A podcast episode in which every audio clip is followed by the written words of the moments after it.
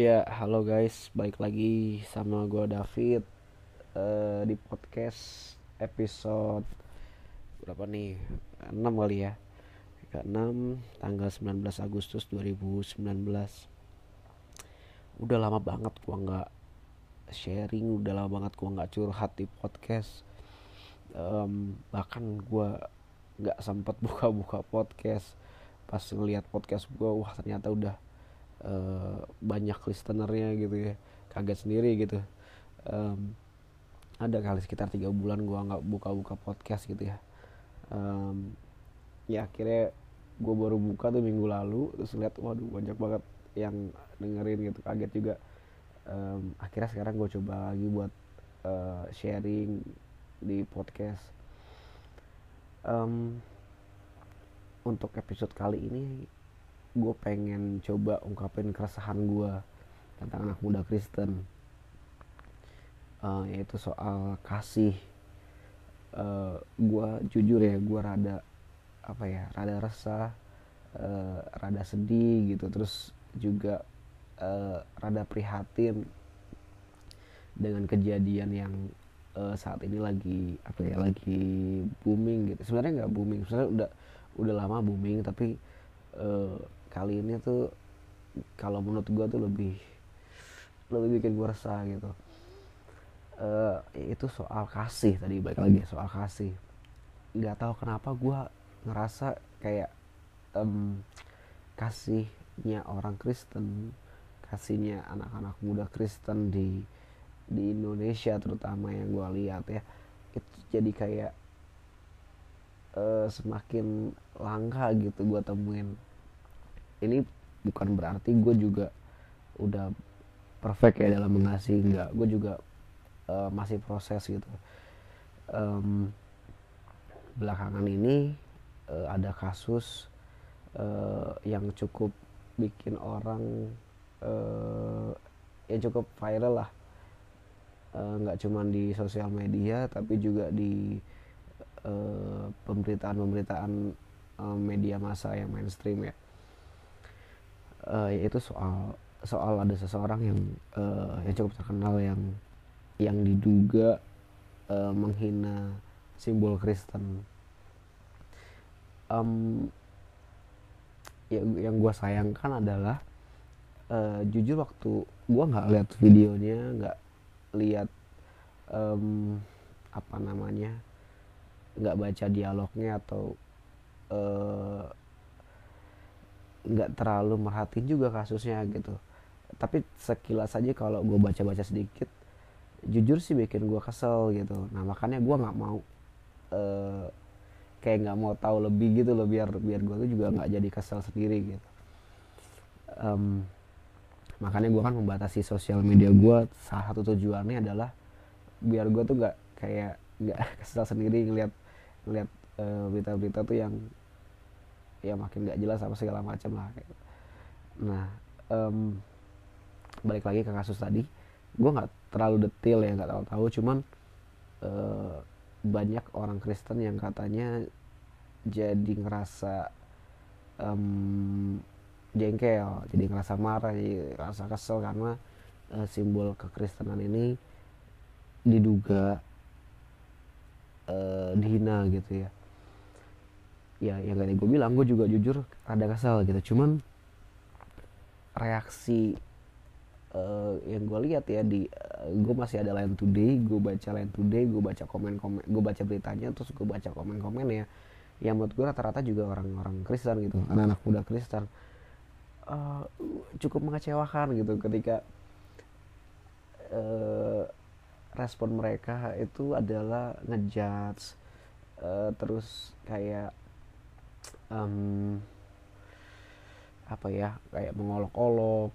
terus eh, ngata-ngatain gitu. Gue jujur kayak ya gue gue paham gitu. Gue coba paham mengerti perasaan mereka gitu. Cuman menurut gue tuh ada ada satu momen yang sangat disayangkan gitu. Em, harusnya harusnya ini bisa jadi momennya eh, anak muda Kristen di Indonesia untuk menunjukkan kasih gitu. Em, tapi tapi yang sangat disayangkan kenapa responnya kok jadi kayak uh, orang-orang pada umumnya gitu. Gue nggak ngejudge atau ya gue coba mengerti gitu perasaannya yang marah yang jengkel yang kesel. Gue coba memahami itu yang merasa nggak adil gitu ya. Dulu uh, sempat ada kasus uh, dari Ahok gitu ya gampang banget ditangkap segala macam. Nah ya mungkin ada yang ngerasa nggak adil terus akhirnya coba cari keadilan dengan kasus yang ini gitu. Coba membandingkan. Um, ya tapi menurut gue kayak sayang gitu kayak ada momen yang harusnya uh, harusnya orang Kristen bisa menunjukkan jati dirinya gitu. Tapi enggak akhirnya banyak juga uh, yang gua tahu sudah ada uh, sudah ada dua organisasi yang ngelaporin uh, apa namanya uh, orang tersebut ya yang diduga yang diduga ya yang diduga menghina simbol Kristen gitu. Maksud gue itu aduh ya sayang banget sih maksudnya kayak kenapa sampai begitu reaktifnya uh, orang-orang Kristen gitu ya anak-anak muda terutama uh, entah di sosmed entah di um, ya terutama di sosial media jaring sosial di komen-komennya gitu kayak um, ya kalau menurut gue ya kalau gue baca itu kayak kasar banget gitu. Sampai lu bisa ngata-ngatain orang segala macam nggak um, nggak bisa nunjukin kasih gitu. Uh, ya gue sih mencoba gue jujur kesel cuman uh, mencoba untuk tidak menuangkan itu gitu loh. Uh, gue inget ayatnya di Amsal ya cuman koreksi kalau gue salah. Intinya adalah ketika lu marah jangan sampai lu berbuat dosa melalui mulutmu gitu. jadi kalau lu marah lu tahan jangan sampai lu ngomong gitu. Karena biasanya omongan itu akan menjadi uh, apa ya nggak ada faedahnya gitu loh nah kalau dalam masa kini tuh ketika lu marah ya lu lipet jari lu lah gitu. Jangan sampai lu buat status lah segala macem. Yang malah bikin jadi panas gitu. Um, tapi memang seperti itu yang uh, terjadi gitu ya. Gue nggak tahu standar standar kasih orang Kristen harusnya bisa lebih di atas itu gitu. Uh, di mana apa ya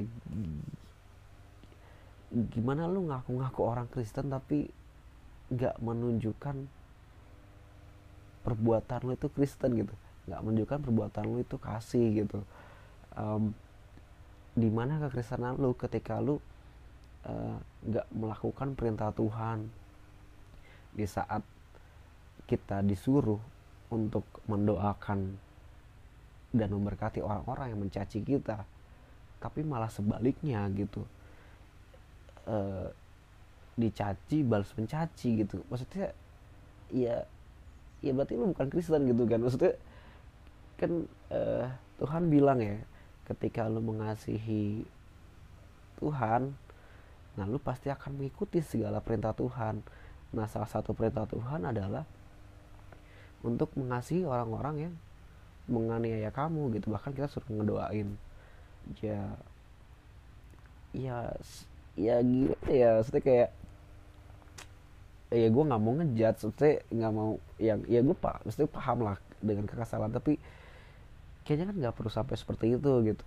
Uh, ya terus nanti ada yang komen gitu ke gue kayak ya lu goblok banget sih gitu lu bodoh banget. Ya udah tahu agama lu nih diduga dihina ya lu harus inilah bela segala macam. Ya tapi menurut gue emang orang Kristen itu ya harus tanda kutip ya dibilang bodoh gitu. Kayak uh, ya pasti akan dianggap bodoh oleh dunia gitu. Ya kan dari dulu juga orang Kristen seperti itu gitu kenapa muncul nama Kristen? Karena Kristen itu kan sebenarnya uh, nama olokan ya zaman dulu yang mengikut Kristus ya disebutnya Kristen gitu. Sebenarnya nama olokan itu dari dulu juga orang-orang Kristen itu sudah diolok sudah dianiaya dan segala macam gitu. Um, jadi apa ya jadi sebenarnya yang menurut gue adalah jadi kayak sayang gitu momen di saat lu bisa menunjukkan kekristenan lu di Indonesia tapi akhirnya momen ini tuh kayak ah lewat gitu aja gitu. E, harusnya lu bisa tahan untuk tidak komen misalnya. Tidak untuk mencaci maki e, tidak untuk menyudutkan pihak tertentu. Untuk tidak bahkan menurut gua untuk tidak dituntut. Ya kan? Ya, ya ya mungkin ya mungkin ada sebagian orang yang merasa itu melanggar hukum tapi maksud gua ketika lu coba untuk bisa mengampuni gitu ya untuk untuk ya at least at least nggak perlu dibawa ke eh, nggak uh, perlu dilaporin gitu ke pihak berwajib. Menurut gue itu lu sudah menunjukkan kalau lu tuh Kristen gitu. Ya bukan ya, ya bukan berarti juga yang lapornya itu kan Kristen ya. Maksud gue dalam artian um, gimana ya? Kayak ya pasti kita akan dibilang ya ya itu kan melanggar hukum gitu. Mungkin, ada yang ada yang ada yang macam macam yang komen gitu ke gue itu kan melanggar hukum bro. Ya masa lu nggak mau negakin hukum? Ya iya sih bener sih kalau iya iya bener. Oke gue setuju dengan yang itu. Cuman uh, kadang kita ngeliat Kristen itu sebagai sesuatu yang levelnya itu lebih tinggi dari itu gitu loh. Eh, nggak e, sekedar kalau orang e, di luar Kristen mungkin ketika lu dicaci ya lu harus tempuh jalur hukum gitu. Ketika lu digebuk ya lu harus tempuh jalur hukum gitu. Tapi kan kalau menurut gue firman Tuhan tuh nggak ngajarin kayak gitu gitu loh. Itu ya standarnya dunia ya seperti itu. Cuman kan ketika kita ditampar lebih kiri itu kan bilang suruh kasih lebih kanan gitu kan kayak ya lu goblok dong jadi orang Kristen. Ya iya ya memang iya memang jadi orang Kristen tuh ya mungkin ya akan dibilang bodoh gitu akan dibilang goblok sama dunia. Cuman ya itulah kekristenan gitu. Kekristenan itu yang ngajarin kamu soal kasih gitu. Um, karena gimana pun juga simbol Tuhan kita itu adalah kasih gitu. Simbol kekristenan itu adalah kasih.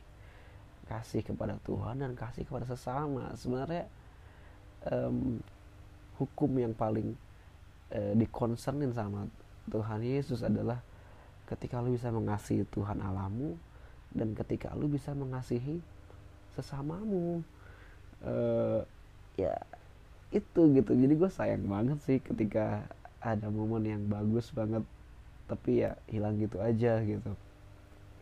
Um, terus gue coba mulai berpikir ya kenapa ya? Kenapa uh, orang-orang Kristen saat-saat ini tuh mulai meninggalkan kasihnya gitu.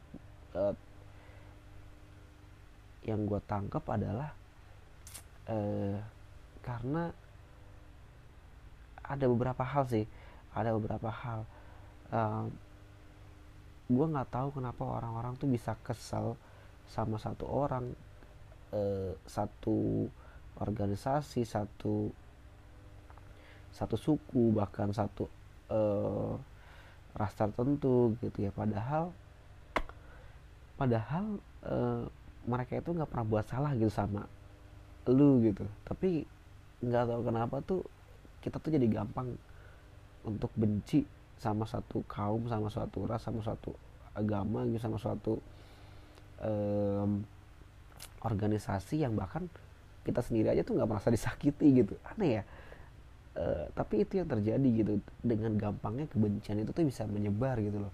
Ya mungkin orang nggak bisa mengasihi karena tertutup oleh kebencian itu gitu. Um, gimana pun juga menurut gue orang Kristen itu harus belajar untuk mengasihi. Gimana caranya? Nah menurut gue adalah lu bisa mengasihi sesama ketika lu mengasihi Tuhan lu ketika lu mengasihi Tuhan Yesus. E, kata Tuhan sendiri ya kata firman Tuhan berkata e, mustahil lu mengasihi Tuhan kalau lu nggak mengasihi sama gitu. Jadi kayak kalau lu benci sama sesama lu ya berarti lu benci sama Tuhan gitu. Ngerti kan? Ya kayak seakan-akan seperti itu gitu. Nah menurut gue uh, orang-orang yang susah mengasihi yang pertama adalah karena dia tuh nggak nggak nggak mendapatkan kasih Tuhan gitu. Uh, sebenarnya kita harus bisa terima kasih Tuhan terlebih dahulu baru kita bisa ngalirin kasihnya Tuhan ke sesama gitu. E, makanya gue suka satu e, frase ya gue punya e, prinsip lebih baik lu menerima dulu ketimbang lu memberi gitu.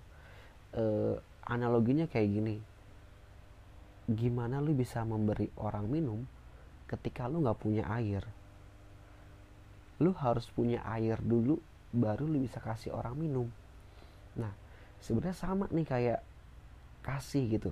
Gimana lu bisa mengasihi orang lain ketika lu nggak mendapatkan kasih Tuhan terlebih dahulu ingat ayatnya bukan bukan kita yang mengasihi Tuhan terlebih dahulu tapi Tuhan yang ngasihin kita terlebih dahulu gitu. Jadi kita harus tangkap nih kasihnya Tuhan dulu ke kita gitu. Kita harus terima uh, kasih dari Tuhan gitu. Nah yang jadi masalah adalah yang pertama mungkin kita belum terima kasih Tuhan. Makanya kita nggak bisa mengasihi. Nah mungkin aja tapi ada kendala yang kedua sebenarnya Tuhan sudah mengasihi kita tapi kita tidak merasa dikasih Tuhan. Nah itu. Atau mungkin eh, dalam kurung kita nggak bisa bersyukur gitu. Sebenarnya Tuhan udah mengasihi lu nih. E, dengan lu dikasih nafas dengan lu dikasih hidup dengan lu dikasih berkat dengan lu dikasih kerjaan dengan lu dikasih kesempatan buat sekolah.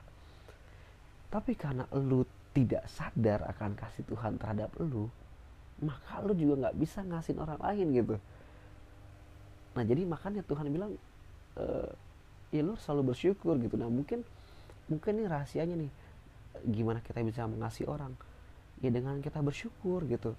Bersyukur itu kan kita mendapat berarti kan kita sadar kalau Tuhan tuh mengasihi kita ya kan? Nah kalau kita sadar Tuhan mengasihi kita gua rasa secara otomatis lu juga akan mengasihi orang lain menurut gua kayak gitu jadi kalau misalnya ada orang-orang yang yang yang benci sama orang lain ya salah satunya adalah mungkin karena dia kurang bersyukur gitu. Ini nih yang yang gue dapat ya. Terus yang kedua kenapa orang nggak bisa mengasihi? Karena mereka nggak bisa mengampuni. Nah sebenarnya uh, ini yang susah-susah gampang tapi susah juga sih. Uh, gue belajar ya untuk bisa mengampuni orang lain gitu uh, kalau mengampuni di mulut doang itu gampang banget. Semua orang bisa gitu. Memang mengampuni butuh progres butuh waktu. Cuman gue belajar untuk action. Nggak um, cuma sekedar oke okay lah gue sama lo udah gak ada apa-apa ya jadi kita baik-baik aja nih. Tapi nggak ternyata menurut gue nggak sekedar itu gitu. Menurut gue uh, ayat firman Tuhan tuh memang benar-benar betul ya. Bener bener bener lah pokoknya. Uh, ada ayatnya kan yang berkata uh, lu tuh harus berdoa bagi orang yang menganiaya lu. Lu harus apa namanya uh, mengucap berkat bagi orang-orang yang menganiaya lu gitu. Nah itu coba gue lakukan gitu. Buat orang-orang yang buat gue kesal gitu. Gue coba mulai doakan dan ternyata ya gue ngerasa itu sesuatu yang ajaib gitu ketika gue mendoakan mereka. Tiba-tiba tuh kayak ya mungkin nggak tiba-tiba saat itu tapi menurut gue dengan gue udah mendoakan mereka kayak timbul sesuatu dalam di hati gue tuh kayak akhirnya gue bisa mengasihi mereka gitu. Itu salah satu uh, kuasa dari doa tuh itu. Makanya itu keren banget ketika ayatnya berkata lu berdoa bagi musuh-musuh lu gitu bagi orang-orang yang benci sama lu bagi orang-orang yang menganiaya lu. Ternyata di dalam doa yang gue temuin ada pengampunan gitu. Di saat itu gue ngerasa sukacita gue ngerasa damai sejahtera dan gue ngerasa uh, bener-bener plong uh, terhadap orang yang gue keselin sebelumnya. Ya jadi itu yang gue lagi resah uh, saat-saat ini gitu. Karena uh, menurut gue orang-orang Kristen sudah mulai uh, melupakan kasihnya gitu. Sudah kasih itu udah mulai dingin. Ya gue nggak tahu. Ya mungkin emang ini sudah masa-masanya akhir dari akhir zaman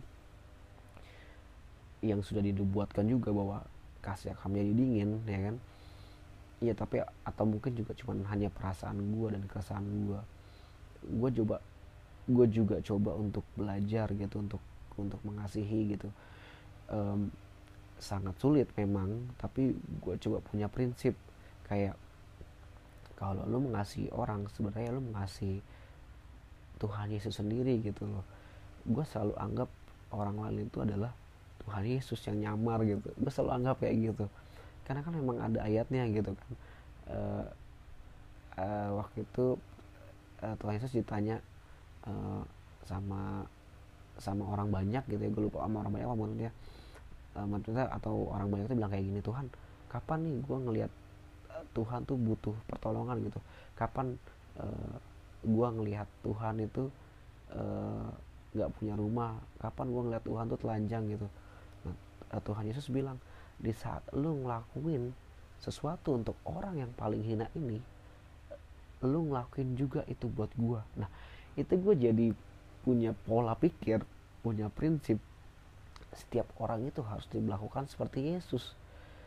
Ketika misalnya di sebelah lu uh, di kereta lah contohnya ya ada uh, ibu-ibu misalkan lagi berdiri terus lu duduk nah gue tuh selalu coba untuk uh, punya pemikiran punya konsep pemikiran eh itu Tuhan Yesus yang lagi berdiri gitu. Ketika lu ngeliat Tuhan Yesus lagi berdiri lu lagi duduk gitu. Kayak sekarang kan uh, lu kayak lagi ketika lu mempersilahkan ibu itu duduk waktu duduk itu seakan-akan kayak lu mempersilahkan Tuhan Yesus untuk duduk gitu. Gue coba kasih uh, apa gue coba punya konsep kayak gitu gitu loh. Dan di saat kebalikannya pun. Di saat gue benci dan kesel sama itu orang salah seorang gitu ya lagi kesel. Nah gue berpikir wah kalau gue kesel sama orang berarti gue kesel sama Tuhan Yesus gitu. Itu kan ya itu yang membuat gue jadi lebih punya uh, apa ya jagaan lah lebih punya tameng gitu. Um, ada satu ayat yang bagus juga.